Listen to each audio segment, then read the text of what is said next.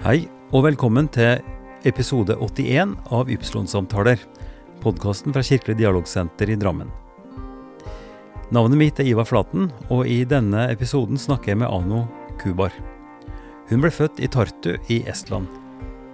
Der opplevde hun frigjøringen fra Sovjet, og var også med i den legendariske kjeden av mennesker som sto hånd i hånd gjennom de tre baltiske landa. Nå har Ano bodd her siden starten av 2000-tallet, og jobber i Drammen kommune med enslige mindreårige flyktninger.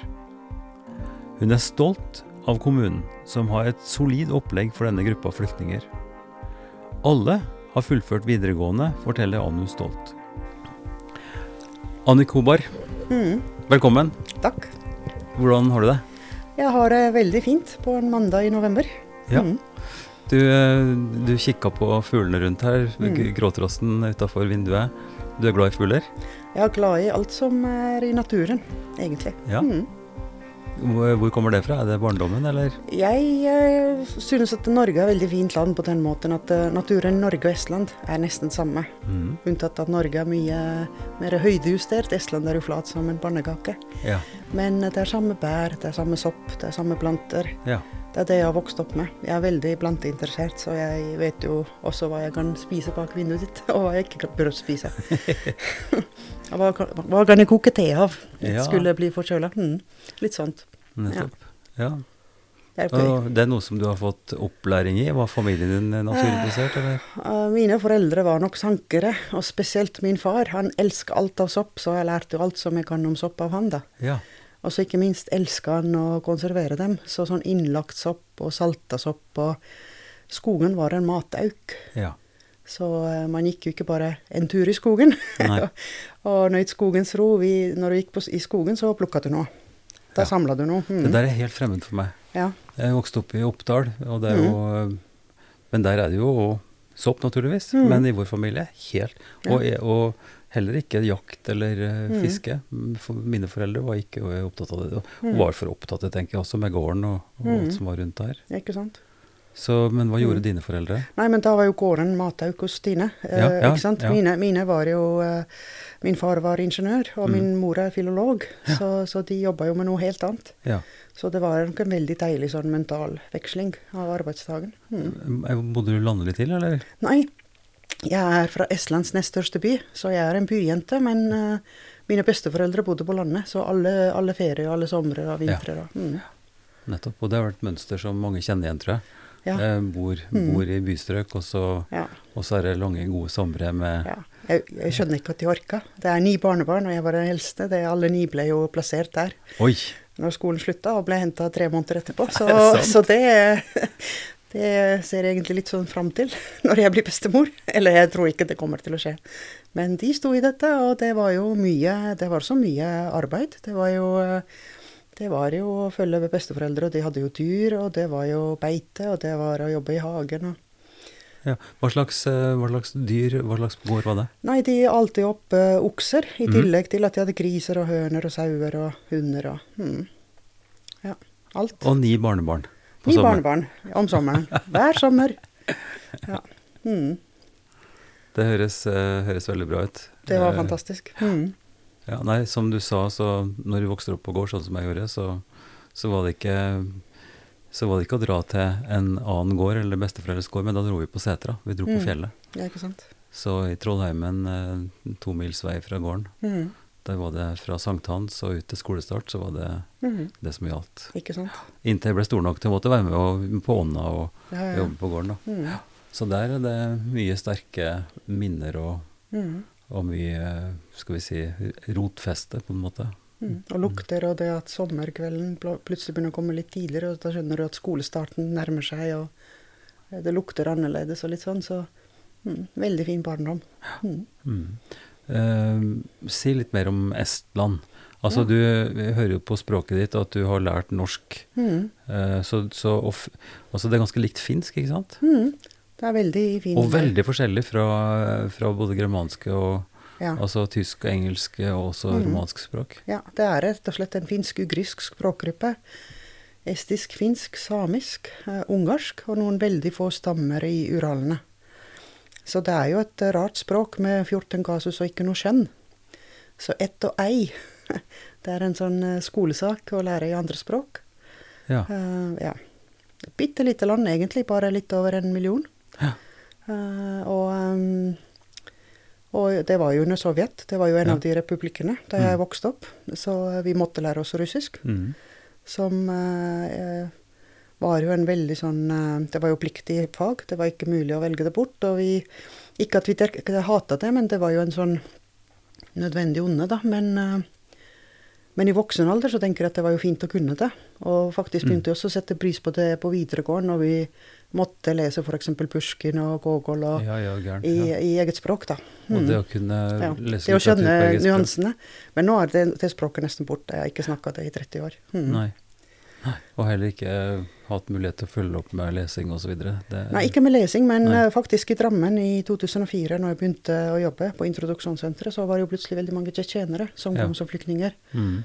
Og da hadde jeg mulighet til å snakke språket igjen, fordi de av og til rakk vi ikke bestille tolk, eller det var noe, en enkel beskjed, og da Mm. hadde vi en avtale at jeg sier det på uh, norsk, Mm. og de kan si ting til meg på russisk, og hvis de ikke skjønte, så kunne jeg også si det på russisk. Ja. Og da sa de at jeg har en sånn veldig sånn dannet, sånn på en måte adelig russisk språk, da. ja. Som, mm. Lært et formelt Veldig formelt. Et formelt Mm. språk. Mm. Men gøy å kunne. Men, eh, men hele situasjonen med å bo i et land som Mm. var, vi, lå i en russisk-sovjetisk sfære, eh, hva slags minner har du fra det? Ikke sant, når du er fått, eh, født og, og oppvokst der, så har du jo egentlig ikke sånn um, sammenligningsgrunnlag. Og det var jo en veldig spesiell øvelse på den måten at uh, vi kunne lære egentlig om alt annet også. Vi kunne lære om uh, f.eks. veldig mye om religion. Mm. Så lenge du satte tegn på at det var uh, historisk Mm. uh, objekt du lærte om, Mm. ikke noe som du kunne praktisere der og da. Mm. Eller om kapitalisme eller friøkonomi og sånt. Mm. Alt det, alt det var i bøkene. Mm. Um, men så skjønte jeg også at det var en sånn dualitet i samfunnet, at det var noe som man ikke snakka om. Mm. Og jeg skjønte jo egentlig en ganske tidlig alder, for jeg leste også veldig mye at mine foreldre og besteforeldre de skåna oss barn helt, eh, helt sånn eh, bevisst, da, at de ikke tok opp alt Mhm. som de selv hadde da eh, opplevd. Og, og min generasjon, jeg er født i 1970, så um, for oss var det jo Ja, vi ble voksne i dette, men allerede mens vi var ungdom, så begynte det å skje ting, og vi skjønte at det går mot en løsrivelse av et Mm. annet type orden i verden. Mm. Og mine foreldre var jo født inn i dette. Men mine besteforeldre, min bestemor Jeg har tenkt eh, så mange ganger som voksen da, at eh, hun kom fra en ganske velstående familie, og når hun var ferdig på videregående, eller gymnaset som det het denne gangen, Mm. så hadde hun hele verden foran sine føtter. Og hun, hun sto og grubla faktisk, mens da krigen slår inn, om hun skal til Frankrike og gå en lyseum, eller om hun skal til England og ta en college. Hvor skal hun studere? Mm. Og så kommer krigen. Familien mister alt de eier. Foreldrene hennes blir slakta, og hun står plutselig tilbake uten noe. Mm. Uten at hun noensinne nevnte det til oss. Vi bare skjønte at det skjedde store ting under krigen. Så vi ble skånet som barn.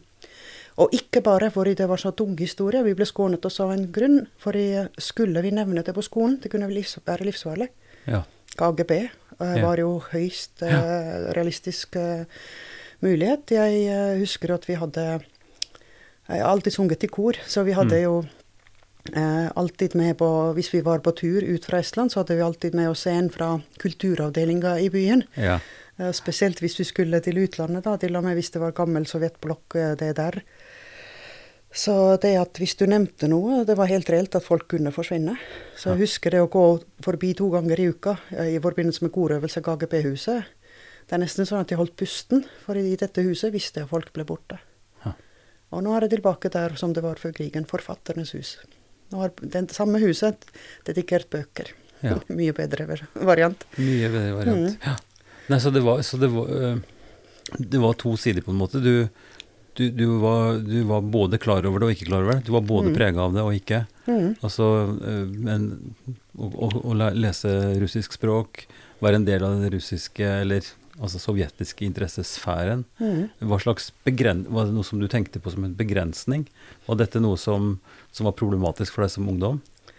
Uh, absolutt, for jeg, uh, ja, jeg leste veldig mye, og jeg likte geografi, og jeg likte historie. Og det å skjønne også at, uh, avstandene var egentlig veldig korte. Mellom Mm. Tallinn og Helsinki er det jo bare åtte mil. Mm.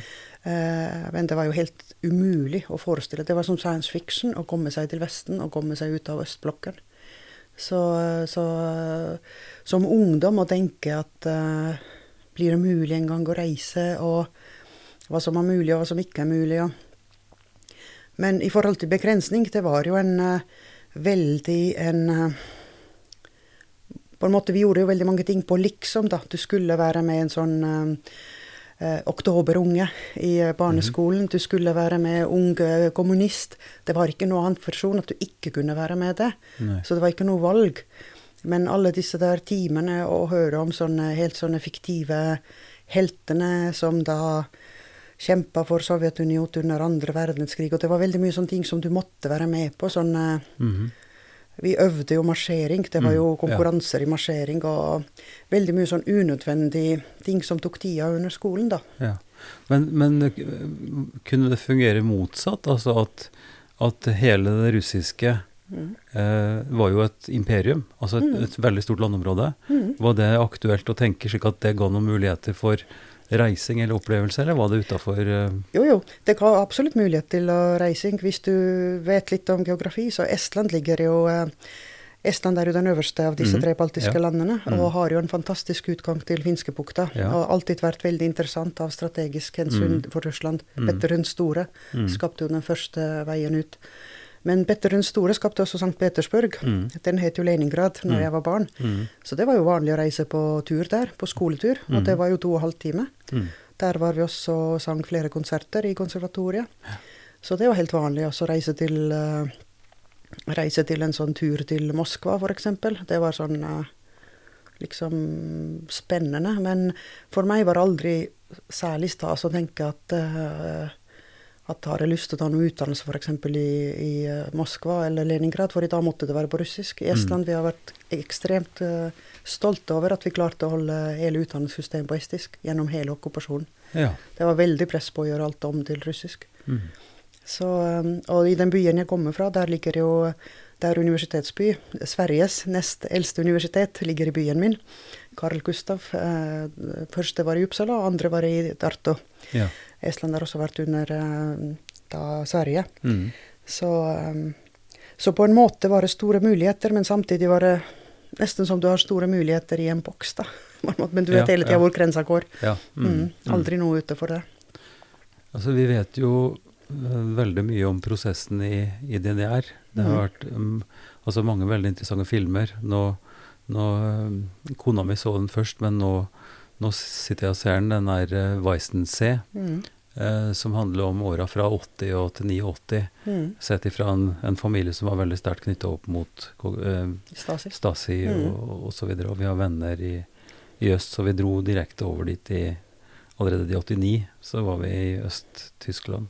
Mm. Eh, Så det er en lang historie. Men, men eh, er det noe eh, Hvordan kan man snakke om Estland og, og de baltiske land i forhold til sånn som, sånn som eh, DDR? Uh, og jeg skjønner, Dette er jo et svært spørsmål, men, mm. men bare tenker det sånn helt for din egen del, altså i din oppvekst da, fram mm. til uh, de Wende, som de kaller det Mhm. i Tyskland. Mm. Mm. Det er veldig spennende, for i, eh, Estland var 700 år under Tyskland. Så det er ekstremt mye tysk kultur, og tyske adelige Mhm. dukker jo med både skriftspråk og skoler. Og, Mm. eh, så det som var helt vanlig når jeg vokste opp, var jo å få en sånn brevvenn Ja. fra det der. Ja. Så jeg husker at jeg veksla også brev. Mm. Og vi dro jo på eh, det Hvis du gjorde det veldig bra, så kunne du til og med reise på skoletur på videregående. Men da måtte du være jo kommunistisk ungdom. Du måtte Mm, tilhøre i partiet før du Mm. fikk lov å reise. Og naturligvis så fulgte med to fra byens kulturavdeling som Ja. passa på at ingen hoppa av. Men eh, det kom gjennom veldig mye eh, østtyske aviser og blader. Jeg husker jeg fulgte jo med et sånt kinoblad som jeg ikke husker navnet på nå. Og jeg var faktisk i Schwerin og i Berlin i eh, begynnelsen av juli 89. Det vil si tre måneder ja. før muren falt. Mm. Og de var jo ekstremt kommunistiske i forhold til hvor frie vi følte oss i Estland denne gangen. Mm. Vi dro på en ungdomskorsfestival, eh, internasjonal ungdomskorsfestival, og vi reiste jo med tog fra eh, St. Petersburg til, eh, til Berlin. Og vi hadde jo eh, afrikanske spiritualer og jazzmusikk og sånt. Vi ble jo tatt av programmet, fordi vi hadde ingen sanger på russisk, og ingen sanger som var dedikert til partiet og Lenin. Så vi ble tatt av programmet og blitt henvist til sånne bitte små lokaler et annet sted, og vi, det var fullstappa, så ryktet gikk jo at Ja. det kom et kor.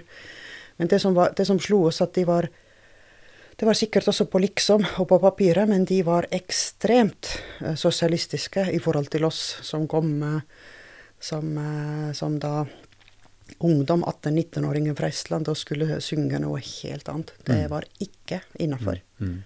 Så det var veldig overgang. Så jeg var litt overraska når Mm. muren falt bare så kort tid etterpå. Nei, jeg, jeg sa at, at vi dro dit raskt etterpå. Naturligvis ikke i 89, for dette skjedde jo i november. Mm. Så, men dette var enten 90 eller 91 at mm. vi tok kontakt der. fordi, ja, Det er en lang historie. Men, men eh, kor, det er mm. også veldig interessant, syns jeg. Mhm. Eh, Halve et kor hvert fall, hvis ikke mer. Ikke sant? Mhm. Og, og vi har eh, store komponister. Som, en som Jeg kjenner ikke så mange, men, eh, men Arvo Pärt Arvo Pärt, ja. er Mhm. jo mm. Han gjør, gjør- han gjør verden, fantastisk eh, Mhm. Altså er en slags minimalisme, eller ja, Mhm. Veldig mye vakkert. Men, men eh, så musikk betyr mye for deg.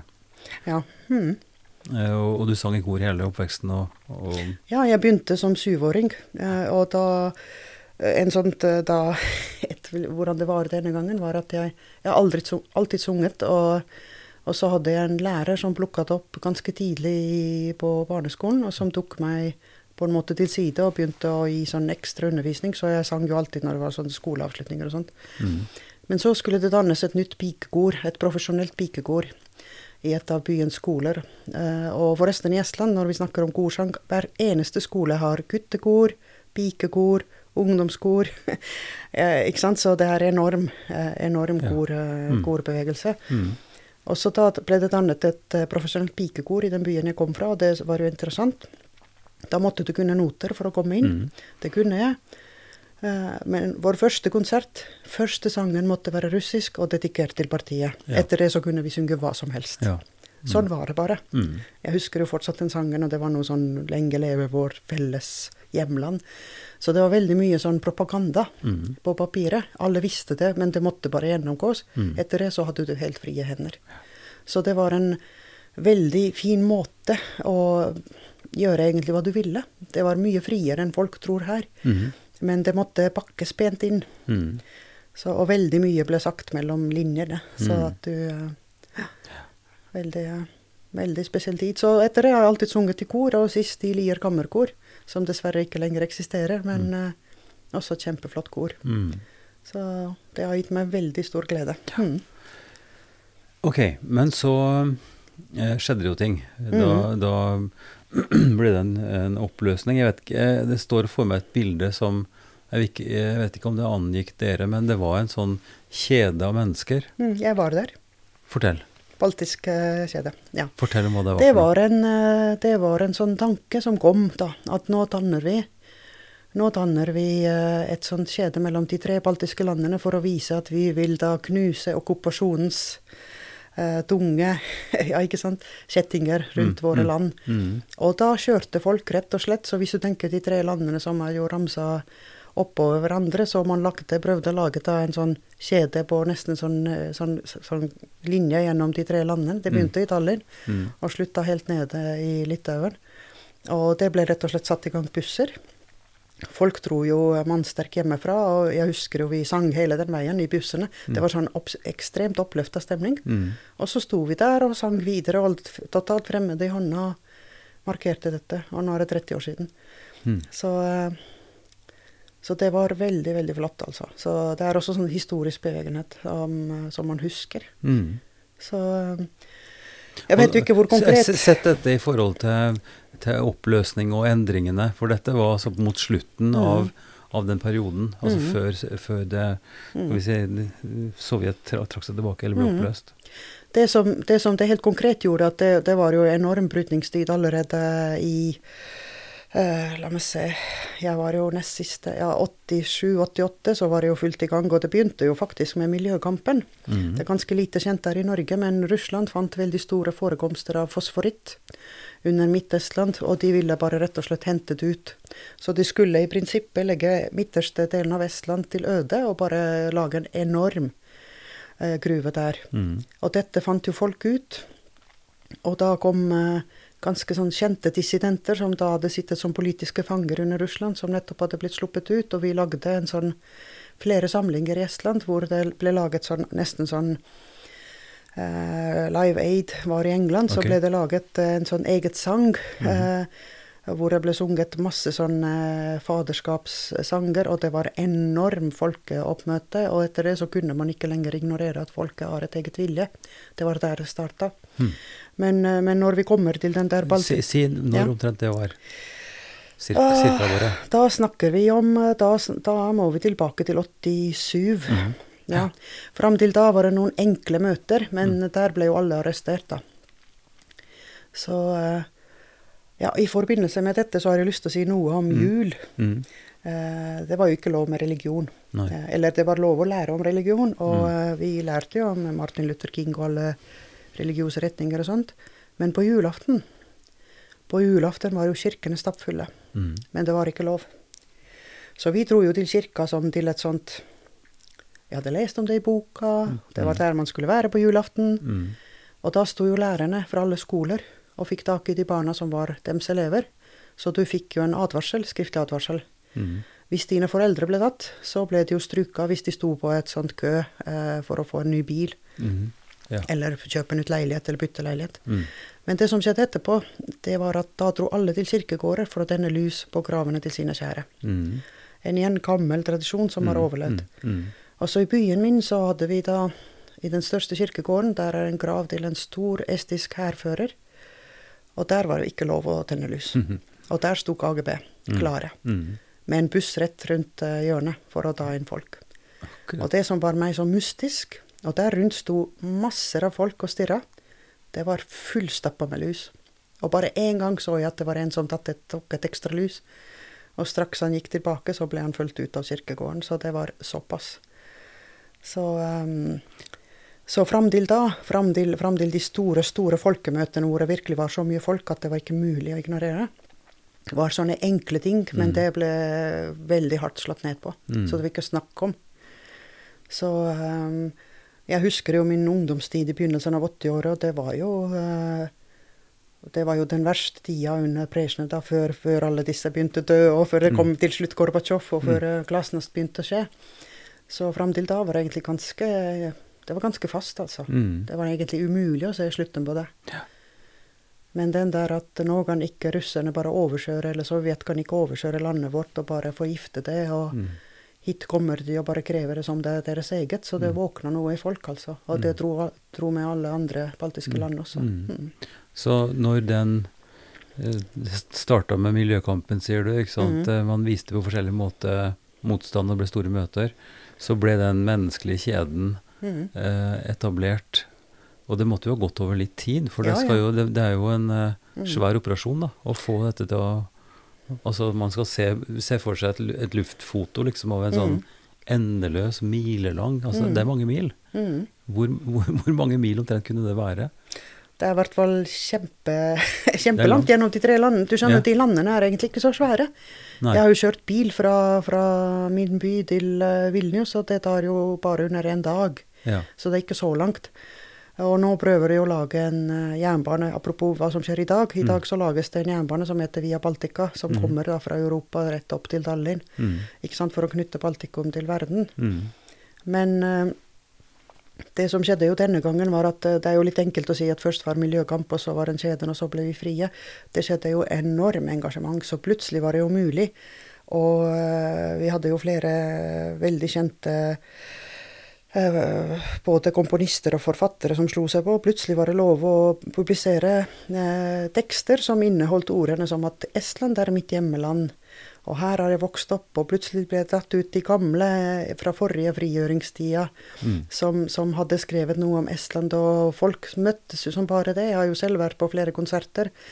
Eh, Det er spesielt en som laget da fem eh, faderskapssanger eh, som eh, alle kan utenat i Estland. Og, og det ble en kraft som det var helt umulig å stoppe. Mm. Og ikke minst du- når fargene kom ut, når flagget kom ut. Mm. Mm. Du sier faderskap, mener du fedreland? Eller? Fedreland, ja. ja, ja sant? Ja, fedreland, ja. ja mm. Ja, mitt fedreland, og det er bare her jeg hører til. Så, eh, og det er jo litt rart når du har opplevd alt dette, så eh, det var i hvert fall en ting jeg visste som 18-åring, at jeg kommer aldri, aldri flytte fra Estland. Mm. Men det gjorde du. Det gjorde jeg! Det gjorde. Så eh, bare noen år etterpå, så Så vi var jo der og opplevde at Estland ble fri, og da tok jo enda nesten to år før russiske siste styrkene var ute. Mm. Men jeg, ja, også det å bli medlem av EU, og da var, følte vi at vi var helt sikre. Så det tror jeg ikke folk i Norge kan nesten forstå, men, men det å komme inn i EU, og ikke minst i Nato eh, I Estland er jo det helt reelt fortsatt at Russland kan komme inn og ta det på en blunk. Så i estiske aviser står det jo at i denne måneden er Natos eh, spanske luftstyrkene som patruljerer estisk luftrom. Det står i aviser, altså. Mm. Vi er fortsatt der.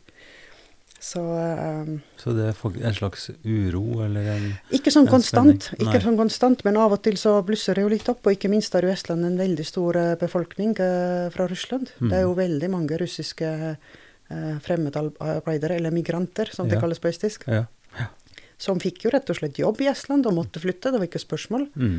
Det var jo storindustri i Estland for Mm. Russland, og da flytta jo folk dit. Jeg, har vært, jeg har ikke vært i Estland, dessverre, men jeg har vært i Latvia. Mm. Og der er det mye av det samme. sant? Med, med, den, med det nærværet av, mhm, av russisk befolkning som, mhm. som, ja, som er der naturligvis, som ble flytta dit. At det er en del av Men uh, vi, vi, må, vi må gå, gå over til den. Mm. Eh, men det er et aspekt her som jeg bare vil minne oss på, som vi kan ta Mhm. med videre. Fordi du, du opplever jo den veldige styrken i det nasjonale. Veldig. Ikke sant? I det litterære, i språket, i, mm. i samlinga med flagget. Mm. At Estland som egen nasjon. Mm. Um, og så uh, jobber jo du nå, uh, Anu, med en i, et, i en norsk kontekst hvor vi jobber eh, hardt for å forstå vår nasjon som noe annet enn bare Mm. eh, sånn tradisjonelt norsk. Mm. Så jeg synes det, der ligger det, det kan vi ta opp litt seinere. Men hva Mm. var, fortell litt om hvorfor, hvorfor Norge? Hva, hva, var hva, hva skjedde? Ja, jeg møtte jo en mann fra Drammen, eh, fra Konnerud, Ja, I Estland. Ja, i 93. ja. Mm. Og uh, i 93 så var jeg ferdig på lærerhøgskolen og begynte på min første Skulle begynne å jobbe som lærer. Min Mm. første arbeidsplass. Og så gikk det to uker. Og jeg var så klar til å leve livet, og da møtte jeg mannen min. Ja. og det var uh, veldig, veldig fint. Ja. Uh, men for meg var det jo mange, mange år ikke aktuelt å flytte til Norge. Jeg syns Norge var et veldig fint ferieland. Jeg har vært i hele Norge og kjørt uh, veldig mye rundt der i Norge, Mm. og, men bare bodd i Drammen. Mm. Men jeg var ikke sånn kjempebegeistra til å flytte til Norge Nei. i det hele tatt. Nei. Så vi bodde syv år i Estland etter at vi gifta oss. Mm. Mhm. For meg virka det veldig fint. Men så er jo Estland det er jo et, eh, som du vet, et land i oppruting og sånt, så det var jo etter vanlig dagsrevy i Estland, så har det vært hver kveld er det kriminalnyheter. Krimnytt. Jaha. Og det ble etter hvert veldig mye slåsskamper og drap og eh, Ja, så Hvor- fått- hvor- Hvorfor det? Hva, Nei, de bare, de bare fokuserer på det. Eh, De, ja. alt, alt sånt kommer i, i, i nyheter hver eneste dag, og så Ikke det at det nødvendigvis er så mye Nei, av det, men ikke at det nødvendigvis er så mye, men det er nei. bare fokuset. Og da ville mannen min hjem. Eh, han hadde lyst til at barna vokser opp i Drammen, for det husker han selv som veldig idyllisk. mm. Eh, mannen min er forresten estisk flyktning, som kom til Drammen i 1950. Oi. Norge tok 15 FN-flyktninger fra Estland, og min mann og hans familie var blant de 15. Tre Hva- av dem kom til Drammen og til Konnerud. Hva var omstendighetene rundt det? det har, Ja, nei, det er jo eh, eh, mine, mine svigerforeldre de var i eh, Tyskland når krigen slutta. ja. De var fra samme sted, og de giftet seg. Så min mann er født i Tyskland. Og så skulle Norge ta 15, for i Norge var jo et fattig land. Mhm. eh, I Sverige er jo over 100 000 estlendere som dro, når krigen begynte å nærme seg slutten. Mm. Og det var klar, klart at russerne blir inne som okkupasjonsmakt. Så de ville ikke til Sverige. Finland utleverte estere til Russland. Så Norge var neste valg. ja. Og da ble det Norge, og da ble det Konnerud. Mm. Og da ble det Drammen papirfabrikk, Ja. der hvor han begynte på gulvet og slutta som formann. ja. Så det har vært en klassereise. Ja. Så mannen min har bodd i Drammen i Men så 1950. utrolig. Altså faktisk en, eh, Mm. en estisk eh, forbindelse. Ja. Ja. Men det visste jo ikke jeg før Nei. han eh, døde. Og i hans begravelse ble det nevnt at de var FN-flyktninger. Og da ble det veldig rart, for da hadde jeg begynt å jobbe med flyktninger. Så tenkte jeg mm, Ringen Ja. var slutta på veldig mange måter. Mm. Ja. Men når du, når du sa at du, at du helst ikke ville flytte til Norge, at du anså det som et, eh, et ferieland, eh, Mhm. men, men når du da tok det valget Mm. eh, Altså, Mm. på en måte så er jo kulturen, vil jeg si, eller altså Mhm. likhetene veldig mange, både Mhm. geografisk og Mm. bortsett fra språk og bortsett fra veldig mye. Mm. Men hvordan var det å komme som, Mm. som innvandrer da, inn til, til. Drammen, syns du, den gangen? Det var veldig rart, for i eh, de syv årene vi bodde i Estland, så pendla vi jo veldig mye. Vi har jo hus på Danvik, Mm. Uh, og vi var jo her om somrene. Og så i Estland er også Du kan være hjemme tre år med hvert av barna dine, så jeg var jo hjemmeværende. Vi hadde fått to barn, så vi hadde jo god tid til å være i Norge. Mm. Og jeg synes at det egna seg veldig godt som et ferieland. Jeg kunne snakke tysk eller engelsk her, Mhm. klarte meg fint. Mhm. Eh, Veldig eksotisk, naturmessig. Det at jeg kan bo eh, i Drammen og se fjell. Mannen Mm. min sier at det er ikke fjell, det er åskammer. Men når du kommer fra Estland, så dette er høyfjell. det er så eksotisk, eller det var så eksotisk. Eh, første året i Drammen, det var beintøft. Eh, og det er så likt i forhold til klima, i forhold til sant. Jeg eh, vet jo nøyaktig fire årstider og hvordan det skal lukte, og hvordan det skal se ut. Jeg har gått masse på ski og vokst opp i snøen. Og, og det var beintøft. For jeg, hva gjør jeg her? Alle de store, essensielle spørsmål. Eh, du begynner å tenke veldig mye på din identitet. Jeg tror aldri jeg har vært så nasjonalistisk, estisk, som det første året i Norge. Og enda jeg hadde det jo på veldig mange måter veldig lett. Jeg hadde jo flytta sammen med familien. Jeg hadde vært der mange ganger før. Mm. Jeg flytta inn i eget hus. Mm. Uh, jeg gikk på skolen. Jeg begynte på norskkurs med en gang. Eh, men likevel uh, Jeg følte at det ikke passa inn. Jeg visste ikke om jeg kan bruke min utdannelse, enda det ble godkjent med en gang. Jeg visste ikke om Norge har bruk for meg. Kommer livet til å bli bra igjen? Mhm. Så, så alle de store ting Jeg husker jeg drømte at eh, jeg døde, og så husker jeg ikke om de sang på norsk eller estisk i min begravelse. ikke sant? Det er sånne ting. Det er sånn, og nå ser jeg at de ungdommene som jeg jobber, de spør jo akkurat samme tingene den første tida. Mm. Du får sånne veldig store ting opp, altså, det første året. Men så gikk det seg veldig fort til, altså. Så um, jeg men, men jeg, vil- jeg vil du ja. si litt mer om det der mm. med For sånn som jeg antyda, så, så måtte det jo ha vært en sånn ordentlig boost når, når Estland ble fri. Mm. ble fri, ikke Mhm. sant? Og den veldige vekten på Mm. landet, historia, litteraturen, Mm. stoltheten, Mm. takknemligheten. Mm. Eh, og så på en måte mista du det, det, det fotfestet, eller Altså du sier at du dro til Drammen og ble enda mer bevisst liksom det estiske. Ja, for eh, når du kommer til Norge Estland var jo i eh, 2000, når vi flytta til Drammen, var Estland blenda hvitt. Og så kommer du til Drammen, begynner på introduksjonssenteret, mm. og møter folk fra Irak, fra Bali. Mm. Det var sånn uh, Verden åpna seg til de grader.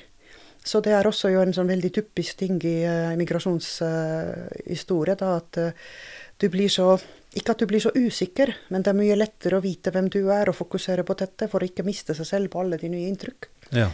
Og så er en veldig klar som migrasjonsteori. Da først er det helt overvelda, og så plutselig faller det veldig. Eh, Fordi du har også en forventning at det ordner seg. Du begynner å skjønne litt på språket, hvorfor er jeg ikke i gang igjen. Det er helt sånn, det er nesten som å gå helt etter boka. Jeg har møtt folk mye senere som, som har vært gjennom akkurat det som jeg har vært gjennom, og som ikke skjønner hvorfor jeg plutselig ikke kan glede meg over at jeg er her. Og spesielt år nummer to, når det går mot en ny høst, for de som da kommer fra litt varmere steder og mer, mer sol og sånt. Mhm. Så, og så var det en sånn rar liten ting. Jeg husker at jeg kom ut en uh, vintermorgen.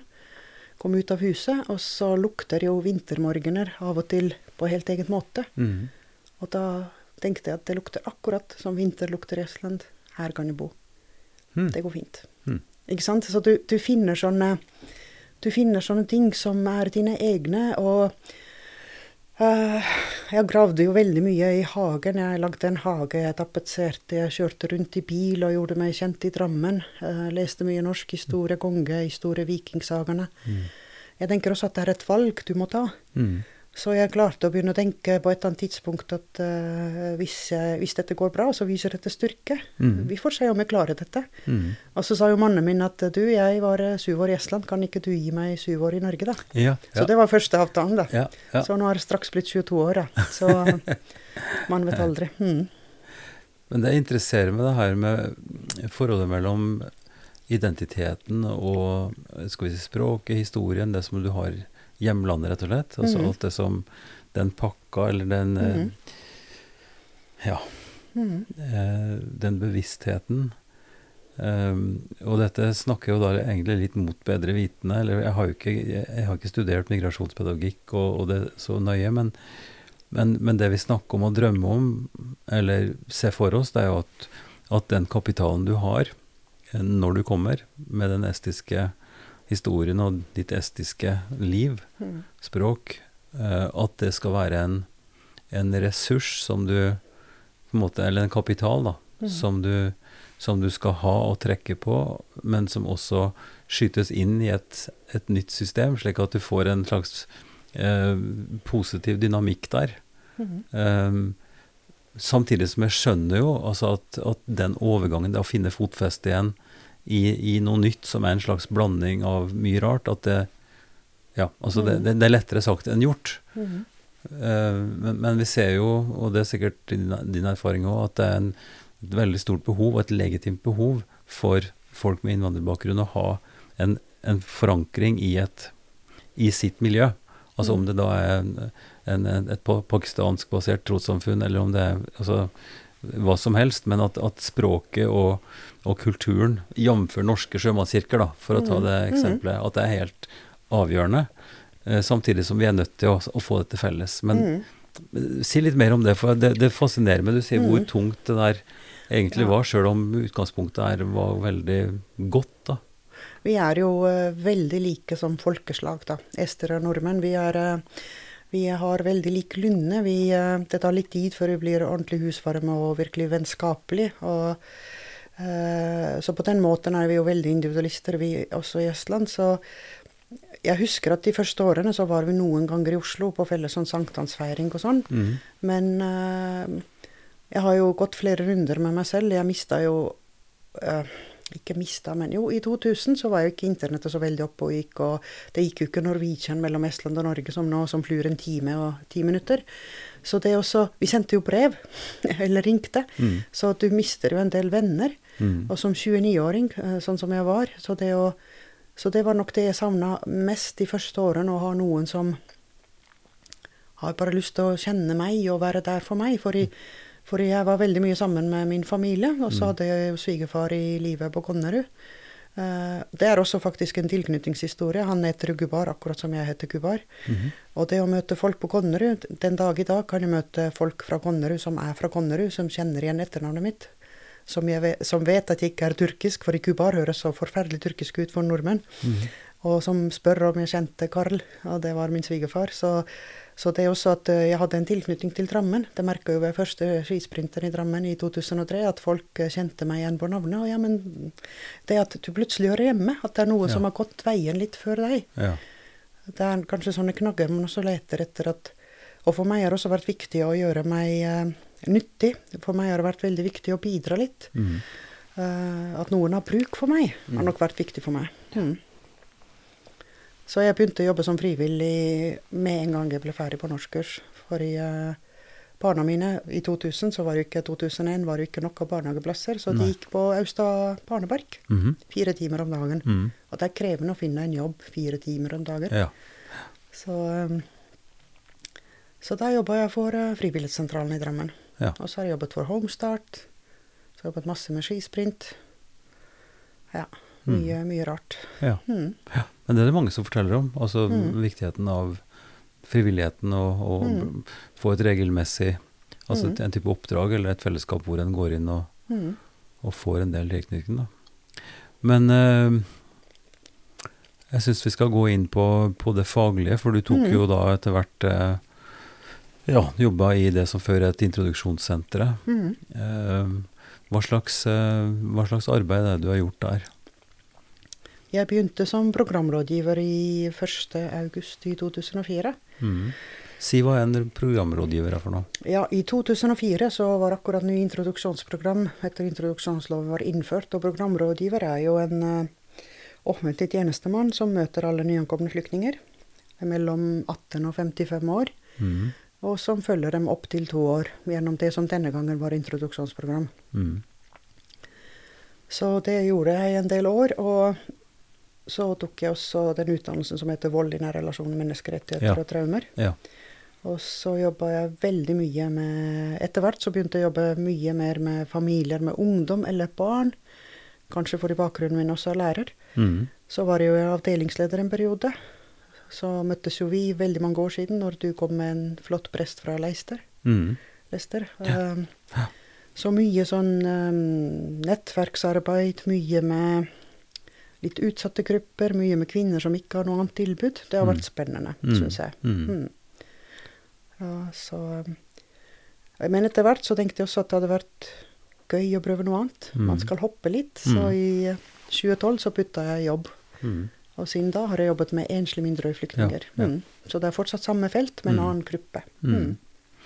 Men, eh, men det har jo vært sånn fra begynnelsen at du har hatt en kombinasjon av opplæring og arbeid. Mm. Altså at man har hatt en, et, et felt hvor folk har gått inn i praksis og, Mm. og, og, og jobba, jobba med det. Og det, det Mhm. også har jo vært et sånn interessefelt som jeg har Mm. vært opptatt av hvordan, eh, hvordan Norske kirke og menigheter også kunne ha bidratt der på forskjellige måter. Men, men så har det jo hele tiden vært den følelsen av at, at altså en slags rettmessig, ikke skepsis, men en sånn still, spørsmålsstilling om, om forholdet mellom tros, altså formidling, eh, forkynnelse, Mm. eh, religiøs praksis på en måte, og, og det å skulle ha en slags eh, opp, opplæring.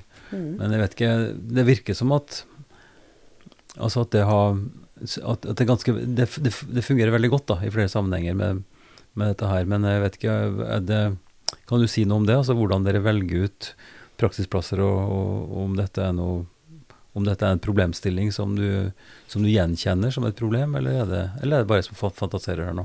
Nå, nå er det egentlig litt uh, vanskelig å svare på det, for Mm. det er ti, ti år siden jeg Ja. gjorde det sist. Så uh, jeg tenker jo at man valgte jo alltid som personlig egenhet, men i forhold til religion, så når man først kommer da til Norge Mm. fra en eh, veldig eh, protestantisk, luthersk land med en stor del av uh, ortodoks russerne, så tror man jo at man kan noe om religion. Og så Mm. har man lært om islam på skolen. Mm. Men i Norge så møter jeg jo det overalt. Så eh, jeg gjorde jo noen forsøk når jeg begynte på introsenteret for å prøve å skjønne hva folk Mm. kommer fra, Mm. hva de tror på. Mm.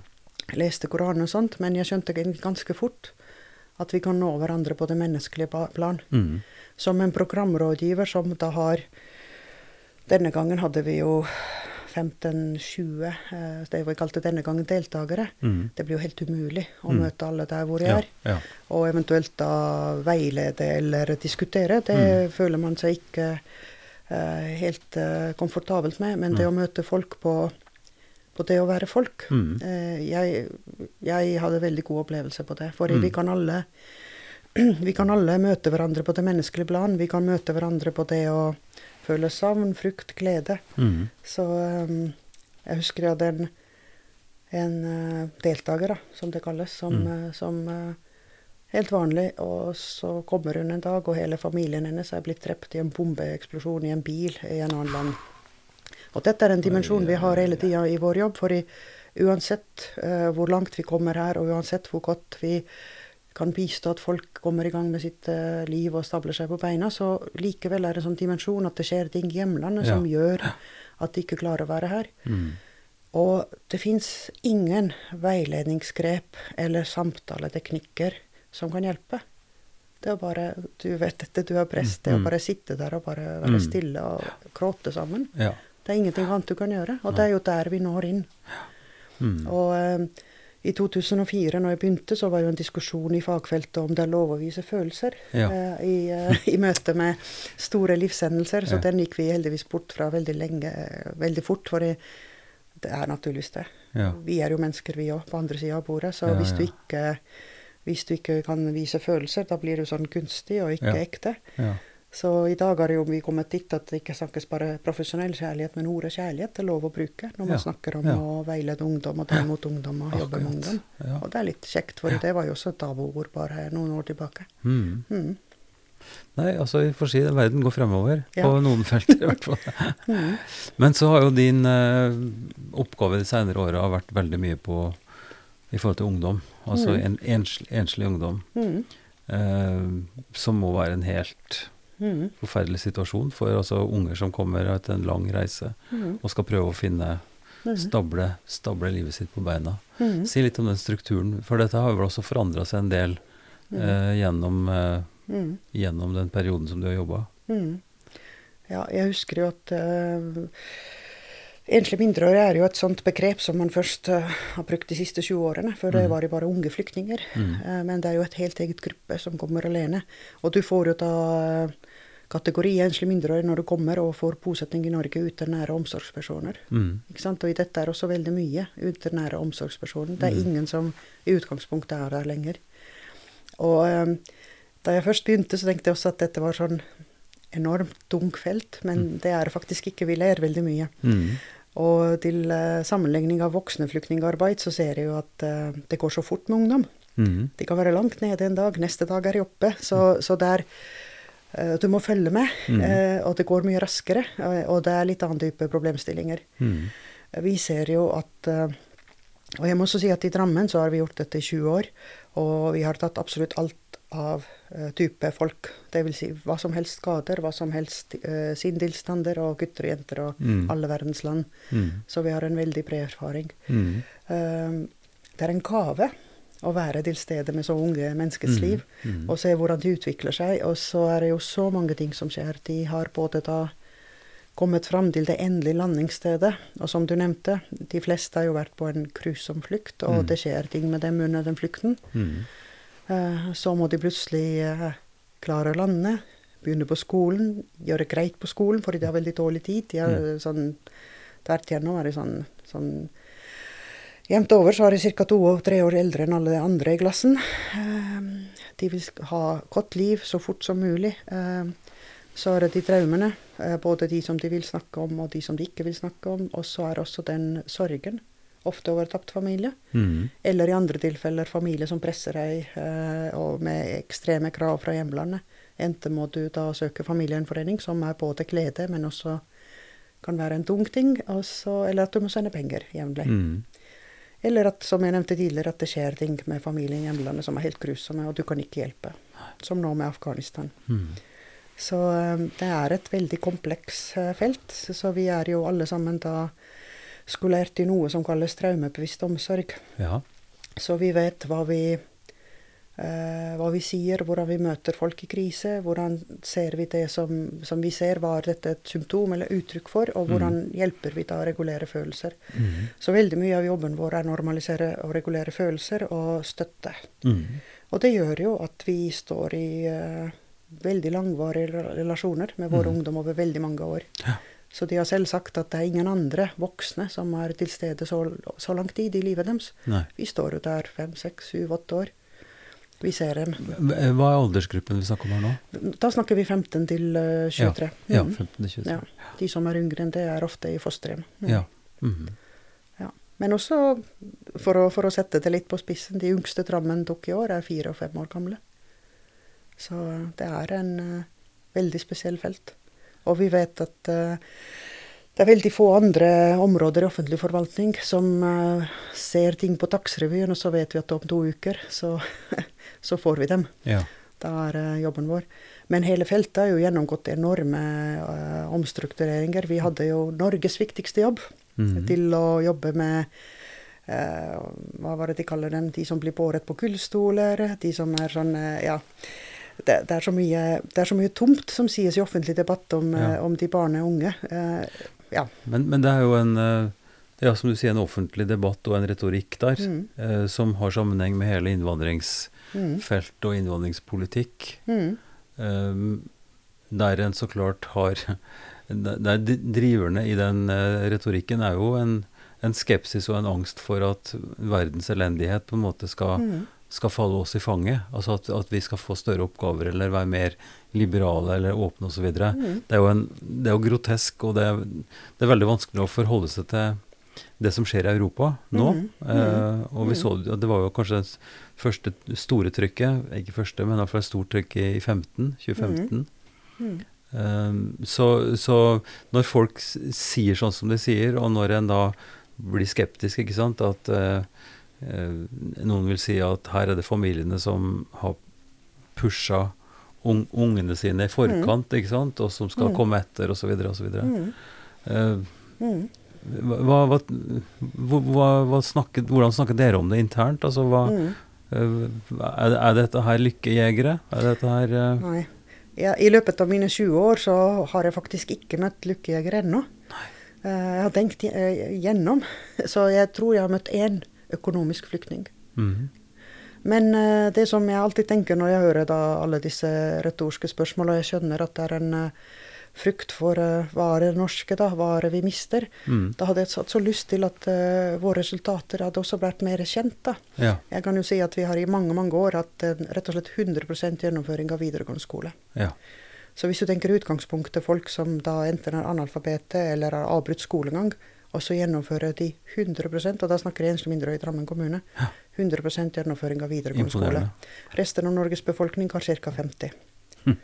Ikke sant? Vi jobber jo med skolen fra den dagen de kommer. Vi jobber med døgnrytme, vi jobber med søvn, vi jobber med matpakke, vitaminer. Vi hjelper med helse. ikke sant? Så det er, det er sånn enorm jobb som gjøres over mange, mange år. og jeg tenker at, mm, jeg lurer på om det er Viktor Nordmann som har laget en sånn regnestykke i samfunnsøkonomi, så han har jo regna ut med Mhm. hva hvert enkelt menneske eh, produserer av verdier for det norske samfunnet i Mm. løpet av hvert år de jobber. Mm.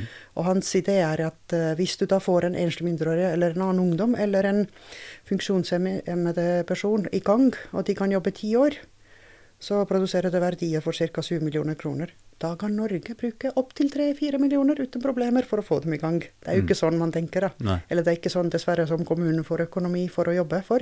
Nei. Men uh, det er en god butikk for Norge å få de flyktningene i gang. Og jeg tror jo at jo yngre de er, Mm. jo bedre resultater får vi. Ja, og det er vel en slags logikk i. Mm. Ikke sant? Fordi at du har større læringspotensial, og du er Mm. mer plastisk når du er, Mm. når du er ung og kan lære fortere. Mm. Men, eh, men retorikken Anu, er jo motsatt. Å ja. Eh, Ja. altså Det vi hører, er jo at, eh, at de såkalte innvandringsregnskapene går i Mm. stor disfavør. Mm. Eh, Dette er en retorikk som egentlig er eh, eh, førende i offentlig debatt. Og så er jo Det er jo før korona. Eh, det er en eh, forsker fra Statistisk sentralbyrå som har rett og slett et foredrag som slår igjen alle, alle sånne innvandrermyter. Da. Så han Mm. viser jo med tallene hvordan Mm. dette stemmer ikke, og dette stemmer ikke. Og det blir jo sagt at uh, familienforente de får veldig, eh, veldig mange barn. Da. mm. Så han har tatt ut statistikk, og det viser seg at norske nygifte får like mange barn som alle familienforente. Og det er jo helt logisk. Folk har nettopp begynt på samlivet, og så Mm. blir født barn. Ja. Så, så det er litt uh, deilig å høre. Men, men det er et veldig fint, lite, særegent felt. Og jeg må jo si en ting til. Det er eh, bare respekt og stor takk til Drammen kommune. Det er jo ikke lovpålagt tjeneste å bosette flyktninger, og spesielt flyktningbarn. Nei. Drammen kommune har jo i mange, mange, mange år satset, og bestemt seg jo da imot enslige mindreårige flyktninger. Mm. Så det er jo veldig mange kommuner som aldri har gjort det. Mm. Så, um, og, ja, og nå driver vi også med en forskning for å finne ut om de blir boende i Drammen. Ja. Eh, hvor mye utdannelse det er. Vi har veldig mange som nå har begynt på høyere utdannelse. Mm. Så det ser virkelig lovende ut, altså. Hva, eh, har du noe tall? Altså, hvor, hva er det snakk om? eh, Hvis vi tenker mm. nå i, i den perioden du har jobba, mm. hvor mange eh, er det som har vært gjennom Ja, det er et godt spørsmål. systemet? Cirka? Du skjønner, det, det som er krevende, er at eh, det går så opp og ned i det feltet. Du nevnte 2015. I 2016 ble jo Drammen eh, Nei, faktisk høsten 2015 ba jo IMDi Drammen da 150 enslige mindreårige. Ja. Drammen sa nei med én stemmes overvekt i bystyret og tok 20. Eh, I år så er det fire. Ja. Ikke sant? Så vi har eh, oppgradert og nedgradert. Jeg tipper kanskje 100 har vært gjennom i Ja. løpet av siste, Mm. siste ti årene. Mm. Det er i hvert fall 100 vi inviterte på første tiårsjubileet. Så ca. Mm. 100 i løpet av ti år. Mm. Ja. Hadde, hadde dere nå merka noe til situasjonen i Afghanistan? Ja, dessverre. Mm. Eh, når det smalt i Afghanistan, så så skjedde jo flere ting samtidig. For det første så har vi to ungdom som reiste ned for å gifte seg i sommer. Mm. Hvor en av dem kom seg ut, og andre kom ikke ut. Um, han kommer nok nå ut nå i disse dager, gjennom Iran. Mm. Uh, I tillegg så uh, satt jo det en veldig stor gruppe ungdom i Drammen i en uh, vi kaller det aktivisering, da, i bevegelse i forhold til hjemlandet. Mm. det har jo vært det må også sies at Afghanistan har jo veldig mange etniske grupper. Mm, ja.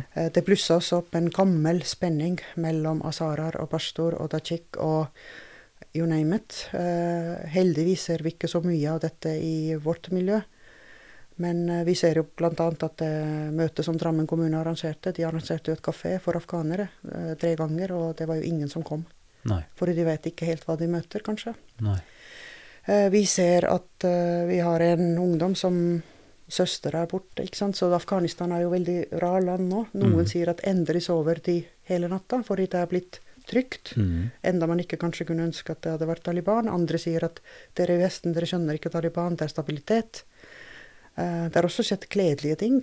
I og med at hele landet er i bevegelse, så plutselig har det dukka opp noen familiemedlemmer til ungdom som trodde at de var døde. Mm.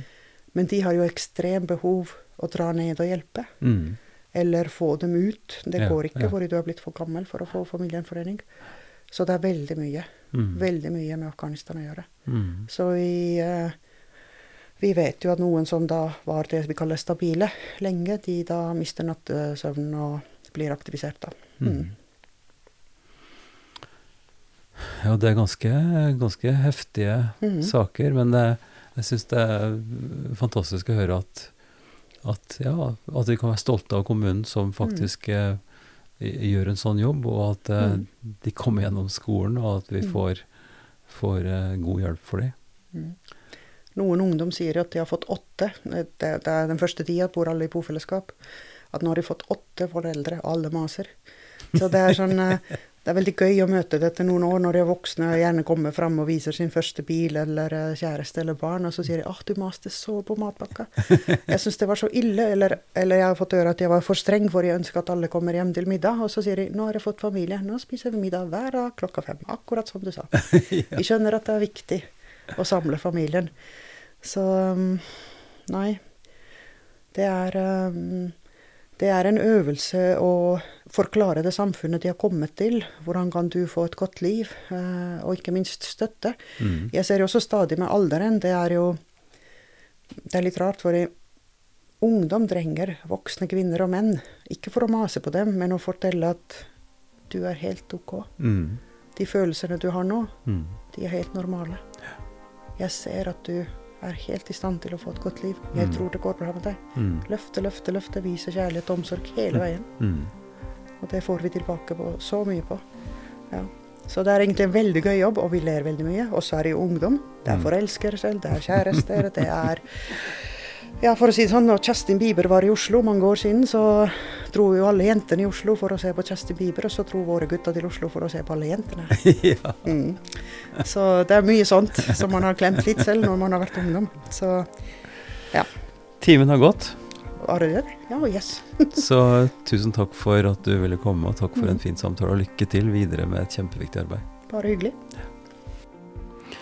Takk for at du lyttet til Ypsilon-samtaler, podkasten fra Kirkelig dialogsenter i Drammen.